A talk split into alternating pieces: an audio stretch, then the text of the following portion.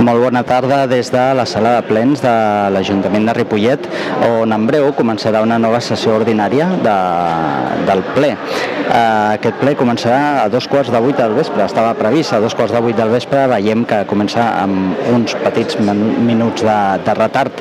Uh, els recordem que no només poden seguir en directe per Ripollet Ràdio a la 91.3 de la FM, sinó també en video streaming al canal Ripollet TV a YouTube. La, el ple, la sessió plenària d'avui de l'Ajuntament de Ripollet del mes de juny eh, té sis punts a l'ordre del dia i dues mocions.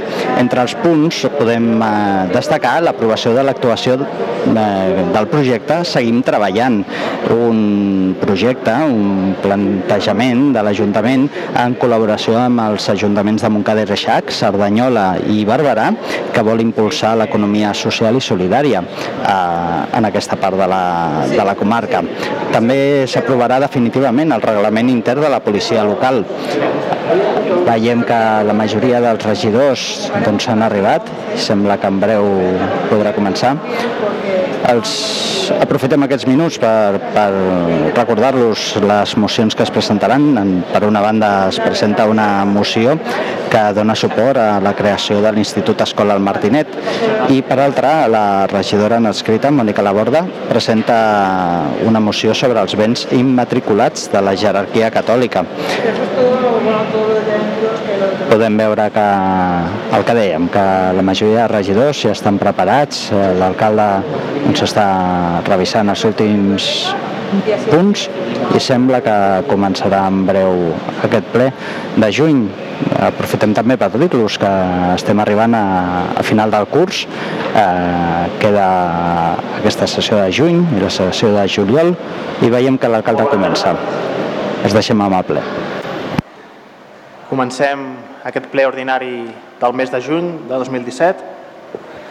En primer lloc, excusem la presència en aquest ple del senyor Xavier Peñarando, el grup municipal del PDeCAT, així com també la regidora Maria del Mar Viera del grup municipal socialista. S'incorpora el senyor Oriol Mor. Així doncs, comencem el ple, com sempre, en el primer punt, el despatx d'ofici, en el qual restem assabentats de les següents resolucions la número 571 de 19 de maig per la, per la que s'aprova contractar la senyora Olga González com a conserge mitjançant contracte laboral temporal d'interinitat fins a la incorporació a la titular de la plaça senyora Antònia Sereno. La número 575 de 22 de maig per la que s'aprova anomenar funcionària interina amb la categoria conserge la senyora Luisa Sánchez durant el període 24 de maig a 2 de, a 2 de juny. La número 623 de juny per la que s'aprova prorrogar el contracte a la funcionària interina la senyora Luisa Sánchez durant el període de 3 de juny a 17 de juny la número 661 de 12 de juny per la que s'aprova anomenar funcionària interina amb categoria administrativa la senyora Concepción García durant el període de baixa perité de la titular de la plaça senyora Isabel Medina. La número 662 de 12 de juny per la que s'aprova contractar de manera temporal el senyor Robert Albi com a auxiliar administratiu al Departament de Serveis Socials pel període de 15 de juny a 27 de juny la número 663 de 12 de juny per la que s'aprova anomenar funcionari interina amb la categoria administrativa la senyora Melodia Martínez mentre mantingui el període de baixa perité de la titular de la plaça senyora Ana Romero. La número 664 de 12 de juny per la que s'aprova anomenar funcionari interina amb la categoria conserge per cobrir la passa vacant de subaltern a la senyora Sandra García el període del dia 15 de juny fins que es convoqui la plaça i aquesta sigui coberta la número 671, per la que s'aprova concedir la baixa voluntària a la funcionària interina senyora Sandra García, administrativa amb efectes de 14 de juny. La número 672 de 13 de juny, per la que s'aprova prorrogar el nomenament de funcionari interí al senyor Gustavo Alberto Jiménez com oficial primera del mercat durant el període de 26 de juny fins al termini improrrogable de 24 de juliol. La número 536 de 12 de maig, per la que s'aprova l'expedient de modificació de crèdits número 8-2017, tramitat sota modalitat de transferència de crèdits per import total de 205 euros amb 16 cèntims la número 552 de 16 de maig, per la que s'aprova l'expedient de modificació de crèdits 9-17, tramitat per la modalitat de generació i ampliació de crèdits per import total de 274.559 euros amb 7 cèntims. La número 675 de 14 de juny, per la que s'aprova l'expedient de modificació de crèdits 11-17, tramitat sota modalitat de generació i ampliació de crèdits per import de 269.306 euros amb 50 cèntims i del Patronat Municipal d'Ocupació, la número 51 de 19 de maig del 17, per la qual s'aprova l'expedient de modificació 7-17, tramitat sota modalitat de generació de crèdits per import total de 284.566 euros amb un cèntim. I també restem assabentats de l'escrit presentat per la interventora accidental fent una breu exposició de l'estat actual dels conceptes pressupostaris d'ingressos, impost sobre vehicles de tracció mecànica i impost sobre béns immobles urbans, del qual es desprèn que no és necessari prendre cap mesura extraordinària de retenció de crèdits disponible de despesa pel possible rendiment menor dels conceptes abans mencionats. Ara ja passem als punts d'acord. El segon punt és l'aprovació de l'actuació denominada projecte per a la millora competitiva dels polígons d'activitat econòmica de Montcada i Reixac i Ripollet, atorgada per la Diputació de Barcelona, de Barcelona any 2017. Aquesta és una, una actuació prevista a fer conjuntament amb, amb el municipi de Montcada i Reixac, que per això també passa a aprovació per aquest plenari i en la qual doncs, es proposa l'aprovació d'aquesta actuació projecte per a millora competitiva dels polígons d'activitat econòmica de Montcada i Ripollet dins del recurs polígons d'activitat econòmica en el marc del catàleg de serveis de l'any 2017 en el programa Polítiques de teixit productiu del Pla Xarxa de Governs Local 2016-2019 a desenvolupar per l'Ajuntament de Montcà i Reixac i de Ripollet, amb l'objectiu de treballar conjuntament amb les següents línies d'actuació pel que fa als polígons industrials.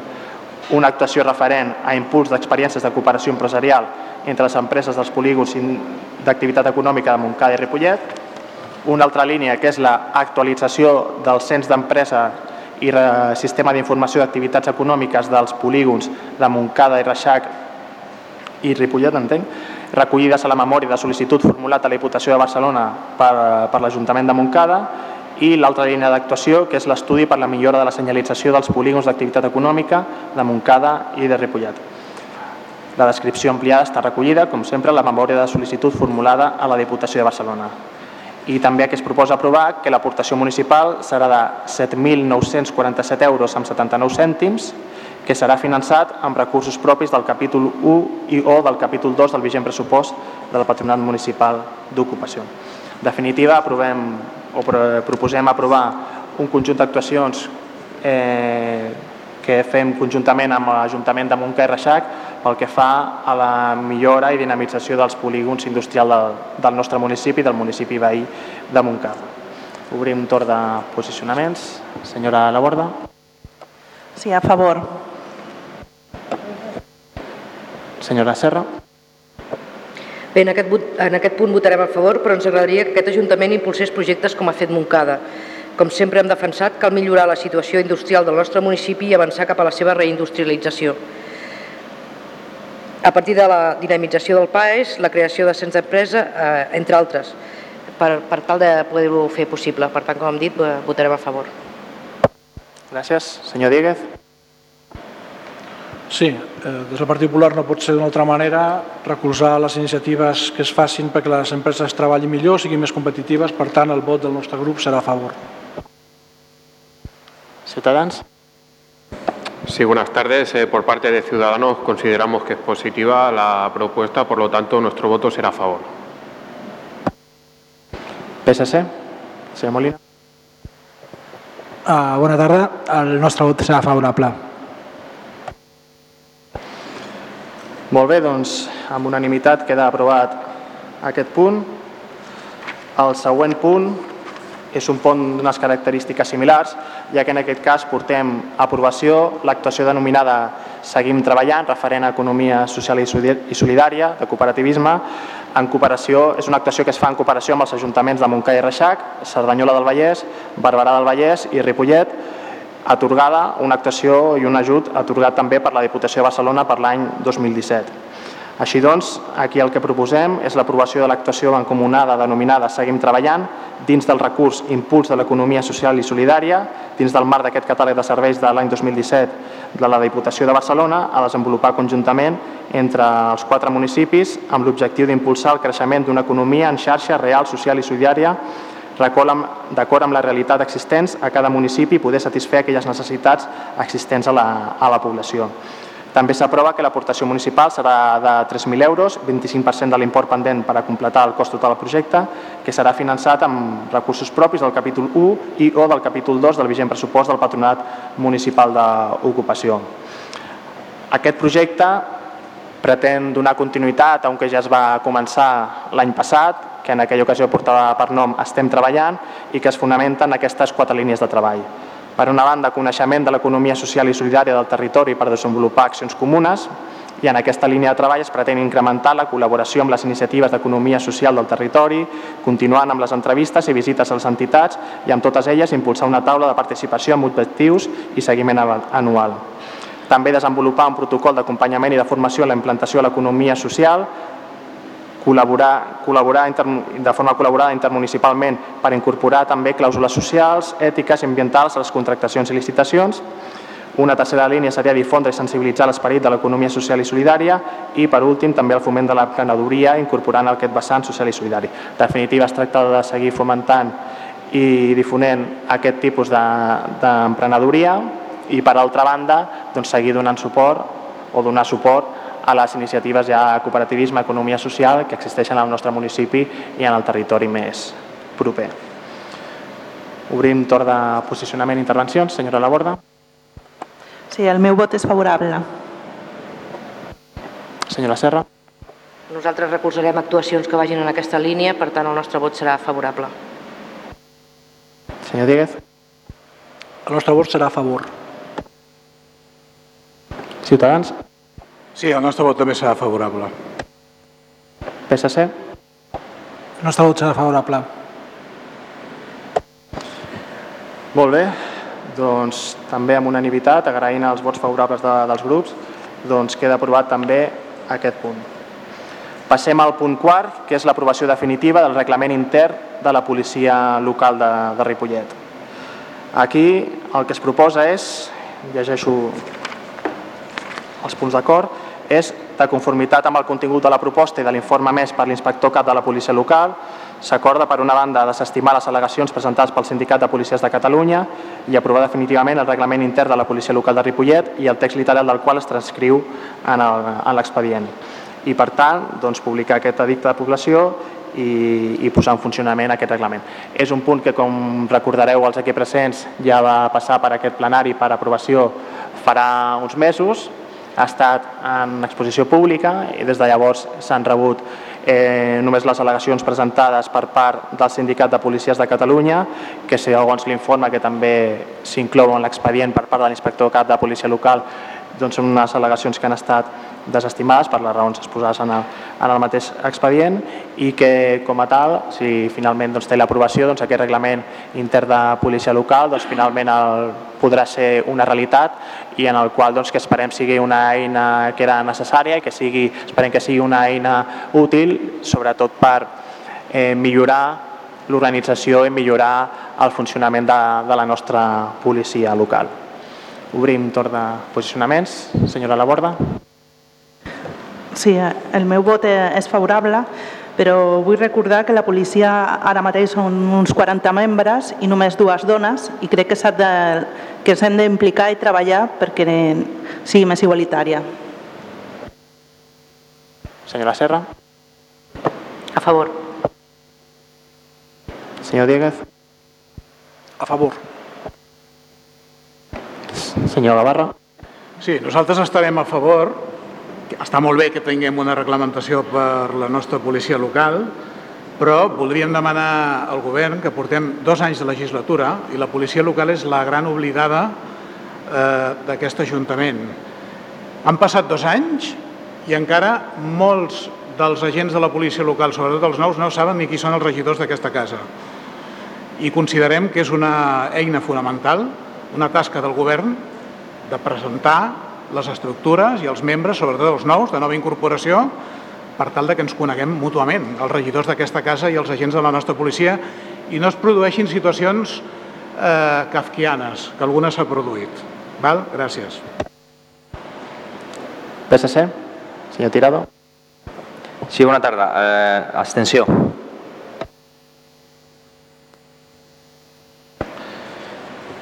Bé, per contestar breument al senyor Gavarra, no crec que sigui la gran oblidada policia local de, no crec que sigui la gran oblidada policia local per part d'aquest govern i per part d'aquest Ajuntament, donat que s'han fet esforços, estan seguint fent esforços per reforçar la plantilla de, de la policia local en la mesura també que, que podem, que així ens deixa la legislació i que tenim els recursos, i que tenim els recursos necessaris per poder fer-ho i per altra banda doncs, també s'està en via doncs, de seguir millorant i actualitzant doncs, totes les infraestructures i, i equipaments necessaris del dia a dia de, de la policia local.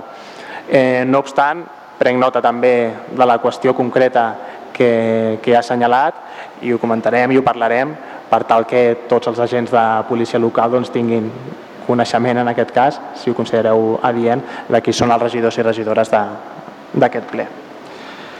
Bé, doncs amb l'abstenció del PSC i el vot favorable de la resta de grups quedaria aprovat aquest punt i passem al punt cinquè que és l'expedient de modificació de crèdits número 12 a 2017 tramitat per crèdits extraordinaris, suplements de crèdit i transferència de crèdits.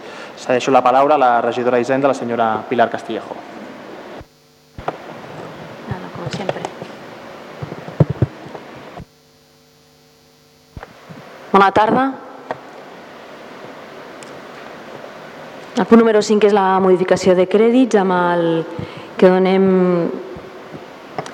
Posem, eh, donem d'alta a l'estat de despeses de diferents partides, una de béns, corrents i serveis per finançar amb 2.300 euros el Pla de Joventut. Aquesta partida la financem a partir d'una subvenció que hi havia anteriorment per una, per una associació, Social Visual Super 8, que era la que feia el, el concurs de curtometratges. Aquest any l'entitat no pot assumir aquesta, aquesta organització i els diners es passen els mateixos a, directament al Pla de Joventut per continuar celebrant aquest, aquest festival de curtometratges, però directament des de, des de, des de la, la regidoria. També en fem una transferència de 4.420 euros per, a través d'un conveni amb l'associació Jaume Tosset eh, per continuar amb el pla de llengües que ja va començar l'any passat, després d'un any de funcionament en el que s'ha avaluat molt positivament com ha anat aquest pla de llengües, es considera que es podien fer algunes millores i per això es fa aquesta aportació complementària. Aquesta, aquests 4.420 euros eh, es financien a través de dues subvencions, que una resta d'un campus Itaca que ja que havia quedat una resta perquè ja s'havia donat tota la subvenció, i d'un altre conveni que tenia una subvenció amb, amb Espassur per fer una activitat de patis oberts però que de moment no s'ha celebrat. Este previst fer-ho només per l'últim trimestre, s'ha consignat la, la quantitat necessària per fer aquesta activitat durant l'últim trimestre i la part no executada la podem passar per aquest pla de llengües que ha donat tan bons resultats durant l'any anterior.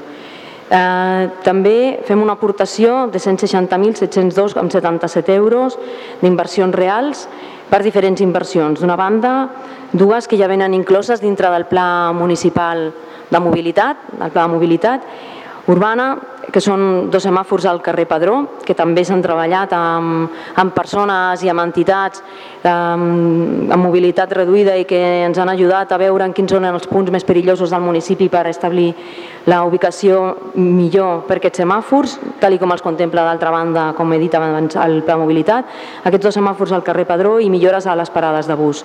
D'altra banda, també es finançarà l'adquisició de dos vehicles per la brigada.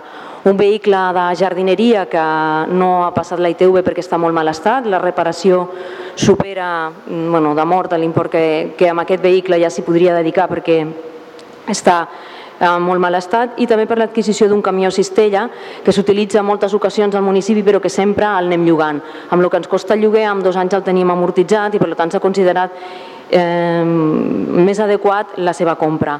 Pel tema dels vehicles, des de l'Ajuntament s'està treballant amb, amb un contracte de renting amb tota la flota de vehicles, però a través de l'Associació de Municipis de Catalunya, però és la mateixa associació qui ens ha recomanat que per aquest tipus de vehicles no sortia a compte el renting, sinó que era molt més beneficiós la seva adquisició.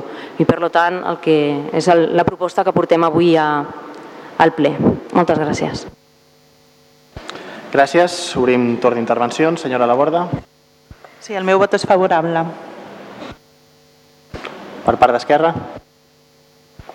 Donat que no podem votar per, per separar les modificacions de, de crèdit, de crèdit en aquest punt ens abstindrem. Partit Popular? Per part del Partit Popular, abstenció. Ciutadans? Abstenció. PSC?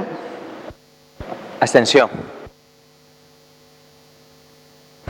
Doncs amb el vot favorable del govern i de la senyora Laborda i l'abstenció de la resta de grups quedaria aprovada aquesta modificació de crèdits.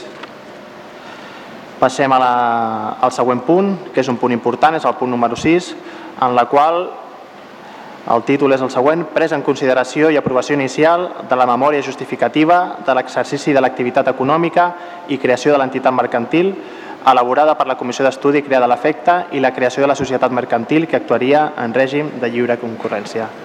Cedeixo la paraula a la regidora de Serveis Municipals i Municipalitzacions per tal que expliqui aquest punt, senyora Castillejo. Sí, moltes gràcies.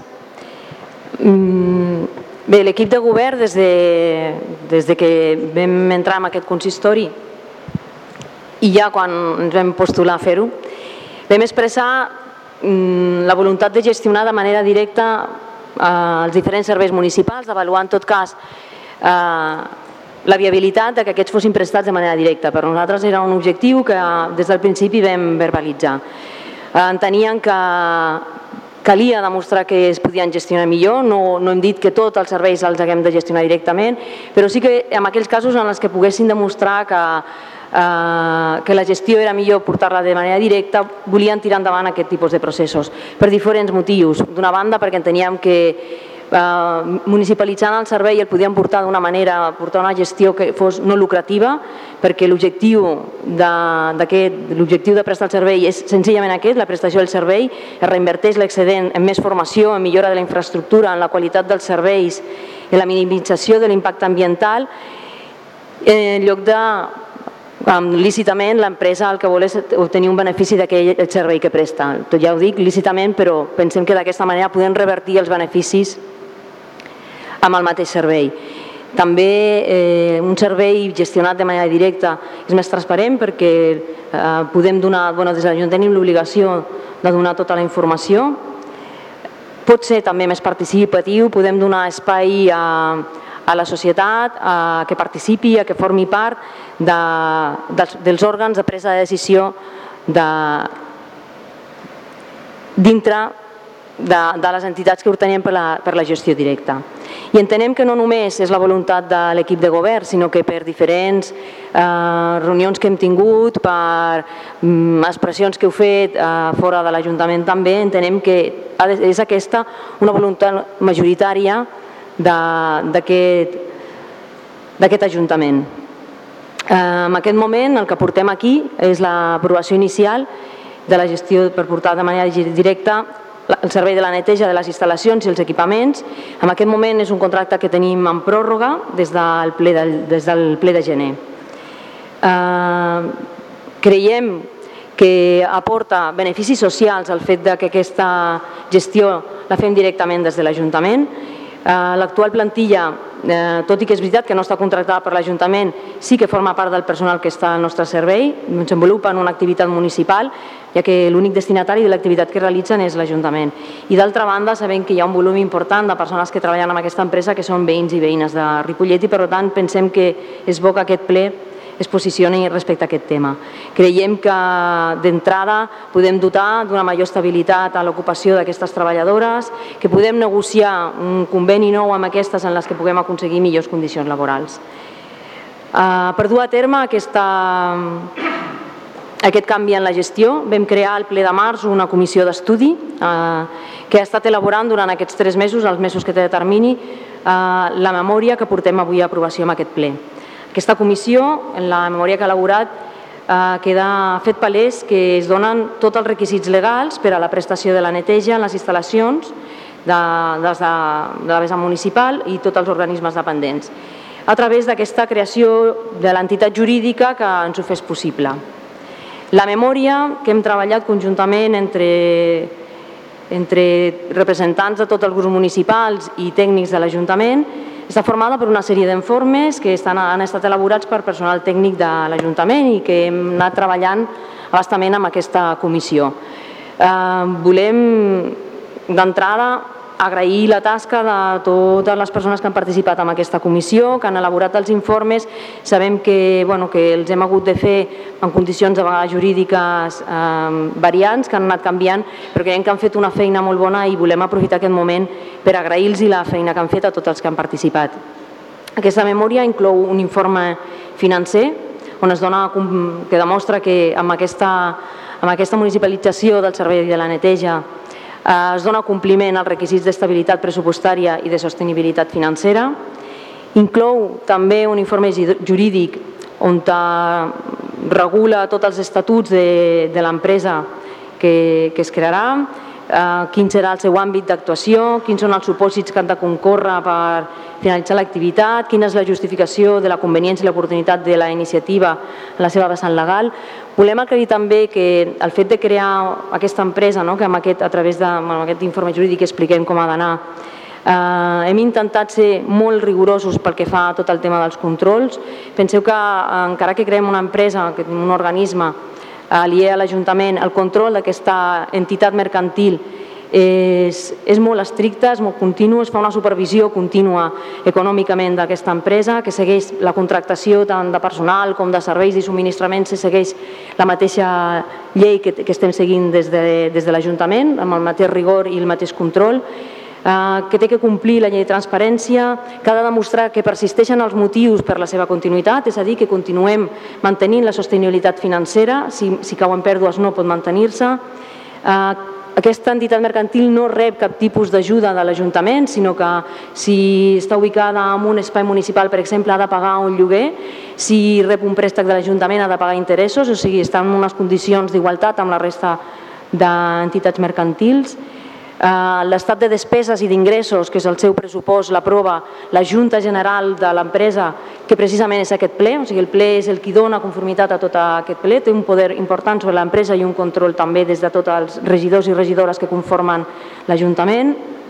Eh, a més a més, eh, per llei ha d'avaluar una auditoria anual externa que avaluï el seu funcionament i, i a més a més, en base a això, emetre un informe al ple per la seva avaluació. O sigui, jo crec que Eh, és important destacar que, eh, que, que estem intentant fer un organisme molt transparent, molt rigorós i amb un control continu.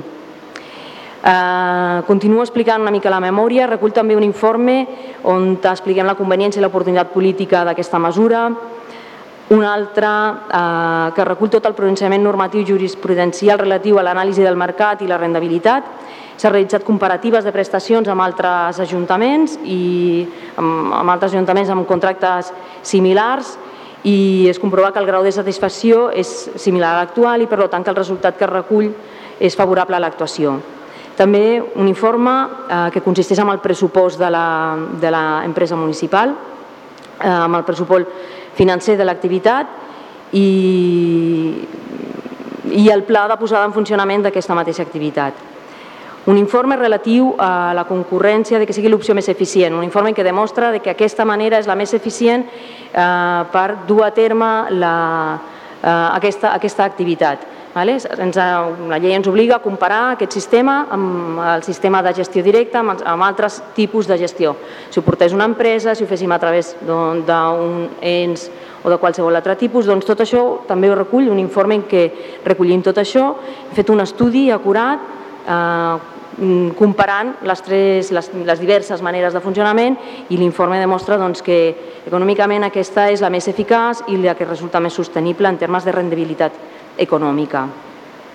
Eh, també volíem fer esment, volíem fer esmentar un, que sí que és bé cert que el resultat econòmic de la gestió de l'activitat eh, no només diu que és sostenible financerament, preveu que continuï sent, però sí que és cert que tant la viabilitat econòmica eh, preveu també que si incorporem properes activitats dintre d'aquesta empresa, augmenta el marge de benefici. L'empresa per si mateixa amb l'activitat de la neteja funciona, és sostenible econòmicament, és la manera més, més econòmica de portar-la a terme, si bé és cert que si introduïm altres activitats, altres serveis dintre de l'empresa perquè el gestioni, això ens permetrà repartir distribuir el cost de l'estructura de l'empresa i, per tant, augmentar el marge de benefici, que ja existeix en aquest moment, però ens permetria augmentar-lo.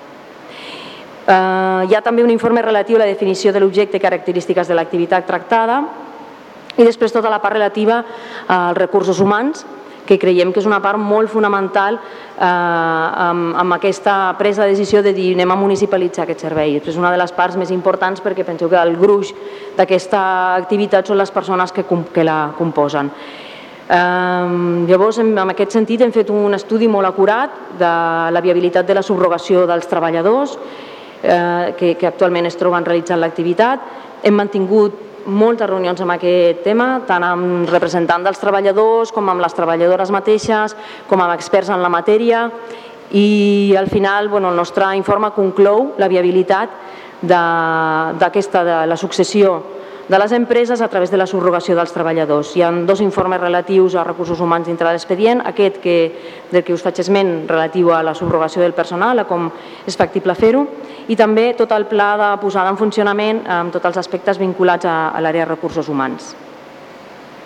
Eh, finalment vull també agrair als grups municipals les que, que ens han acompanyat en tot el procés d'elaboració d'aquesta memòria, eh, amb, tant a les reunions de la comissió com en reunions que hem pogut mantenir eh, fora d'ella. En molts casos hem, ens han fet aportacions que hem pogut recollir i jo crec que han millorat. En d'altres ens han fet eh, puntualitzacions eh, bueno, petites però que ens han ajudat a, també a millorar-lo i a puntualitzar coses.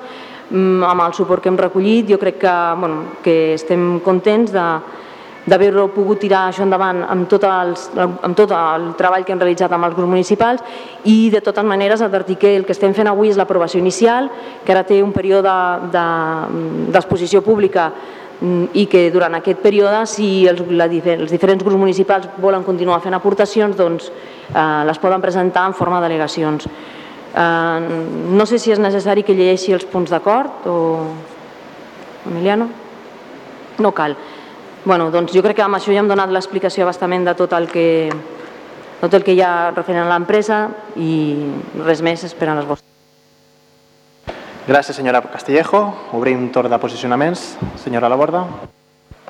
Sí, según el informe de presupuesto financiero y plan de puesta en marcha de la actividad económica que presenta la, la, la interventora, al pasar de, a la gestión pública no se pagará IVA, y además el resultado que ofrece supondría un ahorro de 9.460 euros para las arcas municipales. Y como además del ahorro, la municipalización de los servicios públicos supone una garantía de calidad y de empleo digno, mi voto es favorable. Gràcies. Per part d'Esquerra. Bé, nosaltres donem suport a l'inici d'aquest tràmit. Per una banda, per la bona feina que han fet el personal de la casa en l'elaboració d'aquesta memòria i per una altra perquè esperem que aquest nou ens ens permeti gestionar de manera directa alguns dels nostres serveis municipals, tot garantint la transparència, la participació i el consens social i polític, sempre en benefici dels nostres veïns i veïnes. Gràcies. Partit Popular. Sí, des del Partit Popular eh, esto que se pone hoy sobre la mesa es un suma y sigue de, la actividad que está haciendo esta legislatura. Desde el Partido Popular no vamos a mezclar otros temas, nos vamos a concentrar en este. ¿Y qué es este? Pues este es un planteamiento por el cual el Ayuntamiento de Ripollet, como cualquier administración o cualquier persona privada, contrata servicios a una empresa, en este caso, concretamente para realizar la limpieza de los edificios, el interior de los edificios municipales. Aquí la regidora eh, nos ha hecho ver o nos ha comunicado que para, desde su punto de vista es una posición mayoritaria, no es la percepción que nosotros tenemos desde el Partido Popular. Desde el Partido Popular eh, nuestra percepción es que mayoritariamente los vecinos de Ripollet lo que esperan es que mejore la economía y que en todo caso el ayuntamiento lo que haga sea, como tal administración, pues lo que se pueda. Hoy hemos aprobado dos planes en coordinación con otros municipios para fomentar el comercio, para fomentar la empresa y eso es lo que en realidad da la riqueza, eso es lo que en realidad da eh, soporte a nuestros derechos, a nuestros, bueno, a, nuestro, a nuestros beneficios, a nuestra sociedad como tal y también, por qué no decirlo, eh, de eso dependen las administraciones como este ayuntamiento. ¿Esto de dónde viene? Pues esto no es que sea un clamor, mmm, honestamente, personalmente y como grupo, tengo que poner aquí sobre la mesa que no hay desde nuestro punto de vista, un planteamiento vecinal para que se empiecen a hacer empresas públicas. Insisto, lo que espera la gente es poder encontrar un empleo, poderlo encontrar en mejores condiciones. Esto no viene de aquí. Esto viene de una oposición de su grupo cuando ustedes estaban en la oposición, sobre todo cuando se presentaban los presupuestos, explicando eso, que si en vez de contratar empresas fuésemos el ayuntamiento los que hiciésemos de empresario, pues eso nos ahorraría muchas cosas y que sería mucho mejor a fin de cuentas. Todo el mundo podemos entender que a fecha del siglo XXI en Occidente, visto lo visto, está muy claro que el camino no es hacer empresas públicas, el camino es hacer una buena gestión, si es menester, pues cambiar reglas, cambiar leyes, que el, empleo sea de calidad. Y el ayuntamiento no tiene por qué hacer de empresario como no tiene por qué hacer de médico o de mecánico, tiene que hacer una buena gestión. En cambio aquí lo que nos encontramos sobre la mesa es eso, hacer una empresa de carácter público que lleva al ayuntamiento, haciendo por tanto que en este caso no, el ayuntamiento sustituye en realidad eh, una empresa por una otra, que sería de carácter público, insisto, que va en contra de lo que, desde nuestro punto de vista, no solo nuestro parecer, sino el de la mayoría. Desde el Partido Popular nos hubiese gustado que esto no hubiese llegado a esta mesa. Desde el Partido Popular nos hubiese gustado que esto se hubiese quedado en los despachos, porque nos vemos obligados hoy aquí a decir a qué se dedica el ayuntamiento, a qué se están dedicando nuestros mejores funcionarios, hacer expedientes del tamaño del que tenemos sobre esta mesa y veremos hoy si realmente tirar adelante este tipo de cosas, insisto, unos planteamientos ideológicos de cuando ustedes estaban en la oposición, hoy respaldados por el poderío, la capacidad de nuestros mejores funcionarios para hacer informes y traerlo aquí, pero que en esencia no cambia. No es función de este ayuntamiento, insisto, hacer de empresario, no es función de este ayuntamiento, eh, digamos, especificarse tanto, dedicarse a unos determinados empleados. Se trata de que desde el ayuntamiento como administración pública hagamos que el conjunto de la economía funcione, que las empresas no desaparezcan, sino todo al contrario, puedan trabajar y puedan hacerlo mejor. Entendemos, por tanto, que esto ha sido una dilapidación de lo que son los mejores recursos de este ayuntamiento. Consideramos, insisto, desde el Partido Popular que no es una forma legítima de actuar. Consideramos que este tipo de temas, como cualquier otro, hace falta traerse aquí una mayoría, que en diferentes temas, en diferentes ocasiones ya hemos visto que luego a la hora de la verdad no está. Y nos hubiese gustado que no llegase aquí precisamente por eso, para no tener que explicar a los vecinos estas intenciones de este ayuntamiento, que, mm, bueno, eh, tímidamente eh, se ponen proyectos para ayudar a las empresas, pero en que en la práctica está haciendo, mm, pretende llevar a término una iniciativa como esta. No consideramos justificado meter al ayuntamiento en este, lo diré coloquialmente, en este berenjenal jurídico, en este berenjenal Mm, digamos, de hacer de empresario, con todo lo que implica, jurídico, económico, de, de todo lo que implica la parte laboral, porque entendemos que no es su función, es una administración pública y sí que entenderíamos que si hiciesen unas condiciones, se buscasen otras empresas, se buscase lo mejor para los, para los vecinos de Ripollet, incluso las mejores condiciones económicas, pero en absoluto es admisible que cojamos cualquier servicio e intentemos directamente, ya lo hacemos nosotros, metiéndonos, insisto, metiendo en realidad al conjunto, a los que representamos al partido, al, al, al Ayuntamiento de Ripollet, en estos puntos que muy difícilmente ni mejorarán realmente el servicio, ni vistos los números representan una gran mejoría económica, que insisto, por no mezclar más temas, eh, es muy discutible, eh, digamos, el dinero público que, aquí se justifiquen cosas para sacar mejor beneficio no suena nada bien. El beneficio social tiene que ser, insisto, que mejore el comercio, que las empresas puedan trabajar mejor y no este camino ideológico, respetable como ideología, pero no aceptable si no respalda una mayoría, de que desde un ayuntamiento podamos hacer este tipo de cosas que, insisto, para nada está claro, ni desde el punto de vista laboral, ni desde el punto de vista económico, y el más importante, desde el punto de vista del servicio a los vecinos, que vaya a traer ninguna mejora bien al contrario, muchos males de cabeza para al final mmm, haber tirado por un camino que ni es el nuestro como ayuntamiento, ni es, insisto, lo que pide la mayoría de vecinos, que son unas mejoras muy lejos de que eh, el Estado, incluyendo el ayuntamiento, entre de esta manera eh, en lo que sería la dinámica comercial que conocemos todos y sobre la que se basa nuestro sistema de beneficios y de, derechos. Por lo tanto, desde el Partido Popular, como ya hemos expresado en las comisiones, el voto será en contra. Gracias, señor Díez. Ciudadanos, señor Gavarro. Sí, desde Ciudadanos, que nos caracteriza apoyar lo que llamamos política útil, eh, y desde posturas evidentemente liberales, somos un partido liberal, se nos hace muy difícil eso de remunicipalizar servicios y en este sentido vamos en sentido contrario con ustedes. No lo vemos claro, no lo entendemos, pensemos que, pensamos, y no voy a reiterar las palabras que ha dicho el compañero Dieguez, de que supondría muchas cargas para el Ayuntamiento de Ripollet y nosotros seguimos pensando que la función administrativa, la función de la Administración debe ser velar para que el servicio se preste en calidad y eficiencia para el ciudadano y por lo tanto en este primer paso vamos a votar en contra. Gracias. PSC, se ha tirado. Sí, buenas tardes nuevamente.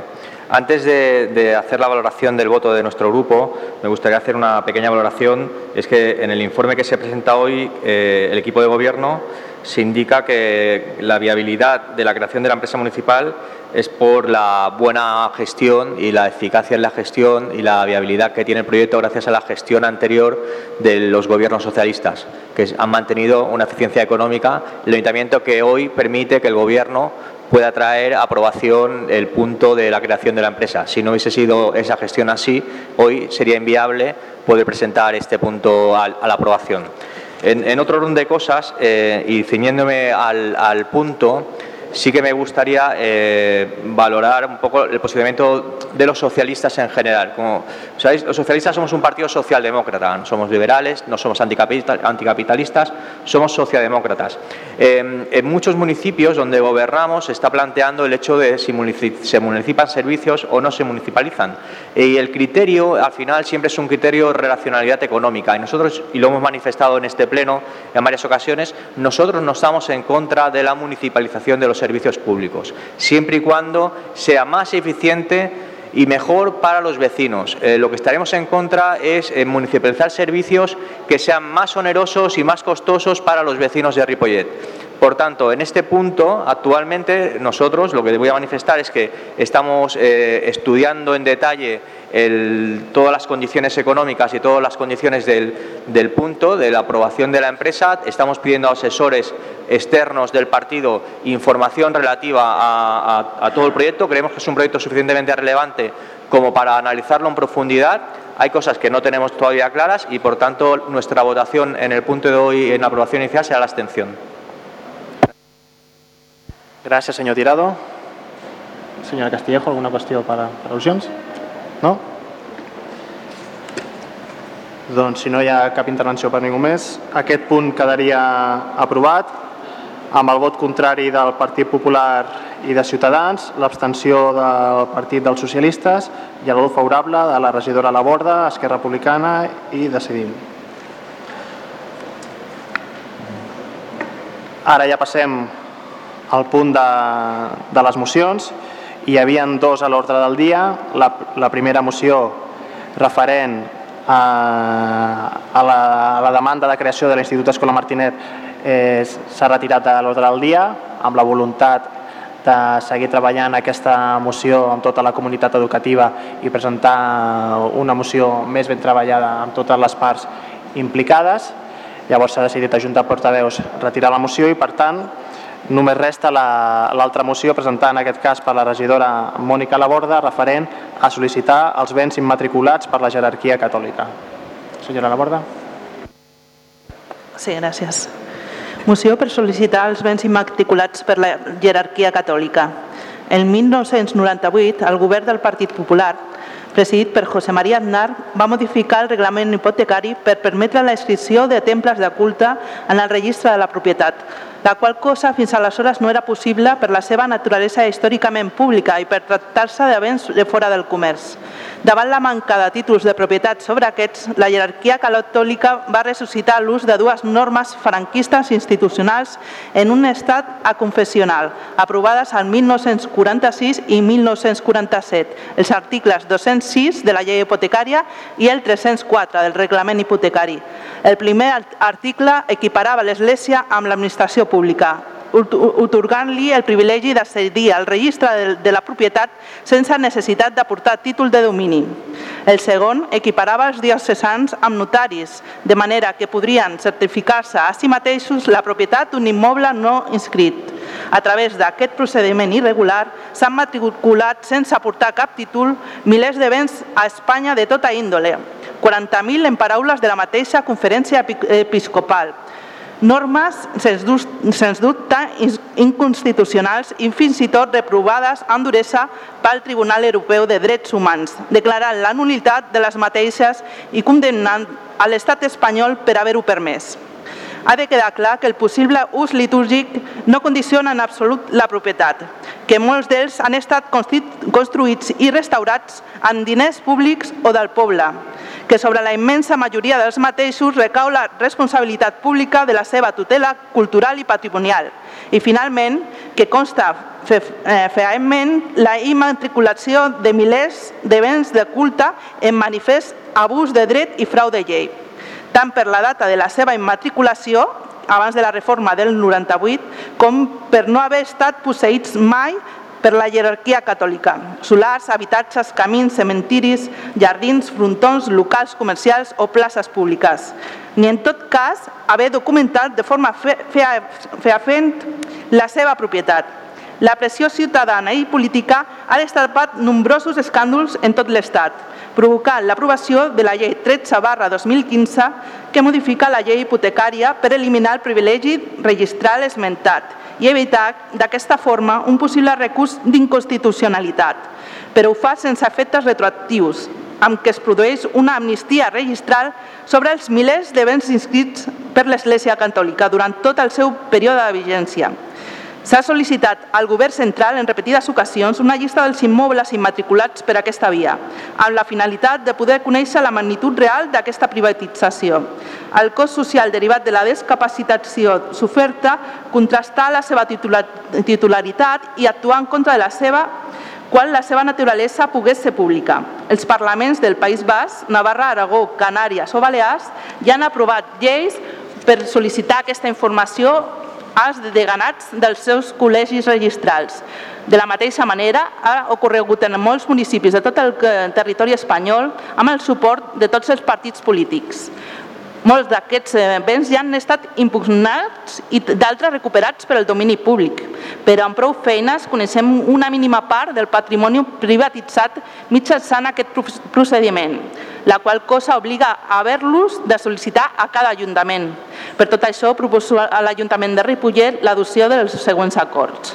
Primer, que l'Ajuntament de Repollet recapti dels registres de la propietat la llista dels béns immatriculats a l'empara i durant la vigència de l'article 206 de la llei hipotecària per l'Església Catòlica en les seves diferents denominacions, diòcesi, bisbat o similars. Segon, que l'Ajuntament doni trasllat d'aquest acord a la coordinadora Recuperando, coordinadora eh, recuperando arroba gmail.com i quan estigui disponible es faciliti la informació que s'obtingui a la dita coordinadora i al ple de la corporació. I tercer, que l'Ajuntament notifiqui l'adopció d'aquests acords a tots els grups parlamentaris del Parlament de Catalunya. Gràcies. Gràcies, senyora Laborda. Per part de l'Esquerra, posicionaments. A favor. Partit Popular. En contra. Ciutadans? Sí, nosaltres, eh, la nostra postura serà l'extensió. Imaginem què és el que implica la petició d'aquesta moció, intuïm què pot demanar més enllà d'aquesta moció, però escolti, senyor Laborda, per anar al registre de la propietat a demanar notes simples a favor de qui és el titular d'una finca ho pot fer qualsevol ciutadà, no fa falta que li encarreguem a l'Ajuntament. Per 3 euros amb 49 cèntims, qualsevol ciutadà d'aquest poble pot anar al registre i preguntar-ho. Gràcies. Gràcies, senyor Gavarra. PSC. Jo? Sí, sí. Bueno, és igual, dona igual, contesto, perquè sé el que he de contestar, però no sabia que era jo la que havia de contestar. Eh, la nostra posició en aquesta moció és a favor Val? És una moció que reflexa el, una línia que, que pensem que hem d'obrir i a tancar, que és la relació que té l'Iglésia amb l'Estat, i amb aquest tema doncs, bueno, eh, estem a favor de la que es manifesta en la moció. Gràcies, senyora Lledó. Senyor Fontanals, per part de Decidim. Sí, bona tarda. A favor. Doncs si no hi ha cap més intervenció, quedaria aprovada aquesta moció amb el vot contrari del Partit Popular, l'abstenció de Ciutadans i el vot favorable de la resta de grups. No hi ha més mocions a l'ordre del dia, així doncs passem al darrer punt, que és el de pregs i preguntes. Senyora Laborda. Cap pregunta. Senyora Serra. No. Senyor Dieguez, dues. Sí, des del Partit Popular volíem fer dues preguntes. Una d'elles és, eh, bueno, eh, rebem tots informació per diferents mitjans sobre el referèndum il·legal del dia 1 d'octubre. Els regidors, m'imagino que els del Partit Popular no som una excepció, els veïns ens demanen informació, ens demanen també el nostre parer, m'imagino que, insisteixo, no som una excepció. Eh, des del Partit Popular també ens agradaria, eh, volem tenir clar eh, la postura del nostre batlle davant d'aquesta pregunta. Permetrà l'alcalde de Ripollet que l'1 d'octubre es facin servir instal·lacions o mitjans municipals per la celebració del referèndum que ha estat anunciat pel govern de la Generalitat de Catalunya. I la segona pregunta és, eh, l'Ajuntament de Ripollet cada mes està pagant una despesa de lloguer per a les oficines que té l'Ajuntament al carrer Balmes. Des del Partit Popular de Ripollet és, una, de les, un, és un, una pregunta recurrent que ens fan els veïns, llavors mm, és una mateixa pregunta en dues vessants. Una, si és intenció del govern mantenir aquestes oficines indefinidament o si pel contrari eh, s'aprofitaran moments com ara l'estiu per fer un canvi o, o, o, o no fer-la servir més. Gràcies. Ciutadans? No? Partit dels Socialistes? Sí? Bé, bona tarda. Eh, nosaltres voldríem fer una única pregunta, però creiem que el tema és prou important com per fer aquesta pregunta. Eh, en aquest sentit, és de fa dies que ens arriben moltes queixes i molt malestar de ciutadans de Ripollet i nosaltres mateixos com a ciutadans amb el tema de com està el manteniment de Ripollet en aquestes últimes setmanes. Tenim una situació mm, realment una mica greu i que ens està preocupant perquè estem parlant de veure jocs molt secs, arbres que no s'estan podant i que estan invadint habitatges, eh, el tema de la purga que està caient en, contínuament a les voreres, eh, problemes com per exemple arbustos que no s'estan tallant i que, i que fan que la visibilitat en alguns carrers inclús corri un perill de peatons, podríem parlar de la Rambla Sant Andreu, per posar un exemple, i realment la cosa ens comença... I clar, això pot ser una situació puntual que podem viure tots i podem entendre, però ens preocupa la falta de reacció de l'equip de govern. Llavors, en aquest sentit, ens agradaria plantejar una pregunta concreta i clara. Seria bueno, dues preguntes. Una, si som conscients des del govern de quina és la situació i de les queixes que estan arribant dels veïns i veïnes, de com estan els carrers i de com estan els parcs. I, i la segona pregunta seria quines actuacions envers aquesta situació s'estan prenent o es pensen fer, però quan es faran aquestes actuacions? Llavors seria eh, bo, penso que els ciutadans ho estan demanant perquè realment és contínuament la queixa que ens estan arribant. Ja no és anar enviant fotos perquè sí, perquè hi hagin fotos, sinó realment és, i, bueno, i nosaltres com a veïns i veïnes també ho veiem, i ens, ens està preocupant el tema per moltes coses, de, inclús d'higiene i de salut pública que pot arribar als ciutadans. Regidors que vulguin contestar, senyor Moldes. Hola, bona tarda. Eh, bueno, d'higiene jo contestaré al tema de parcs. Si no, no... Crec que em mescla preguntes, no? Vale. Eh, bueno, primer tenir en compte doncs, que, que aquí estem en un municipi que no... Bueno, que hi ha hagut molts canvis, llavors nosaltres ara passarem a valorar doncs, el tema del treball de jardineria. Els treballs extraordinaris, a banda de, de treball necessari per al manteniment de les zones verdes municipals i de l'arbrat de la via pública que comporta el seguiment administratiu del contracte, incloses les tramitacions de pròrrogues i altres incidències en l'expressió de treballs realitzats. A veure, jo vaig a passar a explicar una miqueta tot el treball que s'està fent, perquè bueno, ho venen com que no, no s'està fent la feina, bueno, doncs jo en aquest moment m'agradaria doncs, donar aquesta explicació. Un, detall de diversos treballs de manteniment a part de, del contractat i del manteniment habitual. Tenim 37 punts. Tot això li he passat al senyor Molina, que va fer la pregunta la, la setmana anterior. Amb el tema de, també amb el carril bici hem estat treballant 27 punts menys a escoles, 27 actuacions menys a escoles, 23 actuacions menys a, a parcs, o sigui que tot això és treball extra a part del, del treball habitual. Després, comentar el tema de la poda, sí que s'ha d'anar fent durant, en el poble i hi ha zones que, que està clar que, que han hagut fent, i ha altres zones que no han pogut arribar per um, problemes de, de baixes durant l'hivern. Llavors, ara fer aquestes podes les hem de fer molt controlades.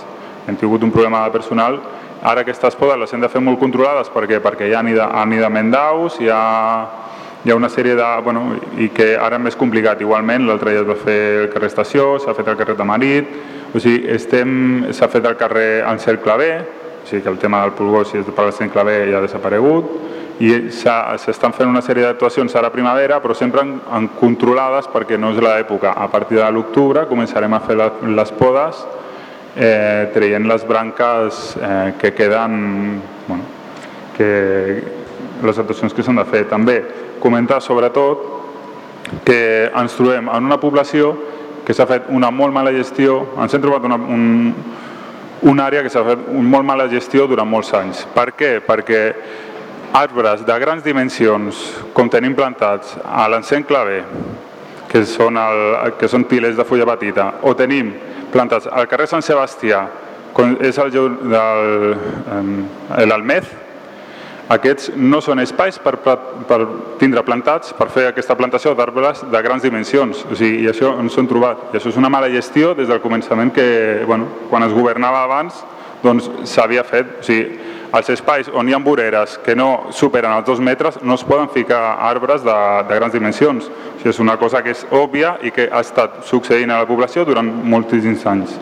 Llavors, dintre d'això, comentar que els treballs, s'han fet moltíssims treballs, ens arriben aquests símbols que vosaltres dieu, però ens arriben molts símbols positius, per exemple per part d'escoles, que s'ha fet molt bona feina, per part de la SEGA de tot aquest any, que igualment hem tingut un, bueno, es va cremar al Parc Gasso Vargas una part, gràcies a la gran actuació que van fer els nostres treballadors s'ha pogut, pogut estalviar un, un incident molt més greu, o sigui que el treball s'està fent, tot el, tot el canvi de, de model pel rec gota a gota també s'ha pogut fer i sobretot insistir en el tema de, de, de bueno, vostè diu de, de mantindre verds, no? El parc ha comentat, mm, tenim en compte que, que no vivim a Escòcia, vivim en una, en una zona amb clima mediterrani. O sigui, el que no podem fer és mantindre uns parcs amb un estat com si falsejant aquest estat, en gas d'aigua, també tenint en compte d'aquest petit eh, episodis de la legionel·losi que s'han de controlar al 100% i doncs, acostumar-nos al paisatge habitual de l'àrea mediterrània.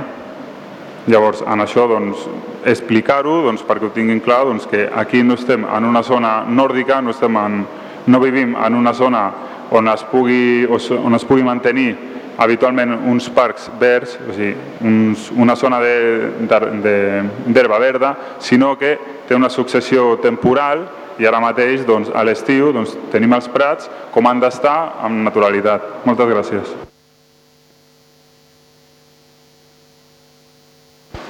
Bé, com deia el regidor Moldes, doncs efectivament per part de Parcs i Jardins de la regidoria corresponent s'han fet moltes actuacions al respecte, com així si de cas us faran arribar tot el, tot el llistat d'actuacions a tots els portaveus, com ja us ha fet arribar el senyor Molina, eh, i precisament també som conscients de, de les queixes que arriben de la mateixa forma, com és lògic que, que us arriba al vostre grup, doncs també a nosaltres ens arriben algunes queixes o observacions sobre algun dels estats de, dels nostres parcs o, o, o d'algun dels nostres arbres. Som completament conscients eh, i sabem que tenim també força marge de millora, en especial pel que fa a qüestions referents a, a la poda i al manteniment d'alguns parcs. Això nosaltres ho hem dit, jo mateix ho he dit també públicament en, en alguna altra ocasió, malgrat que en paral·lel s'han fet moltíssimes actuacions i com també deia el mateix regidor, doncs per part de les escoles i en un altre lloc doncs, també s'ha agraït tota la millora d'actuacions i de feina que, que s'ha fet.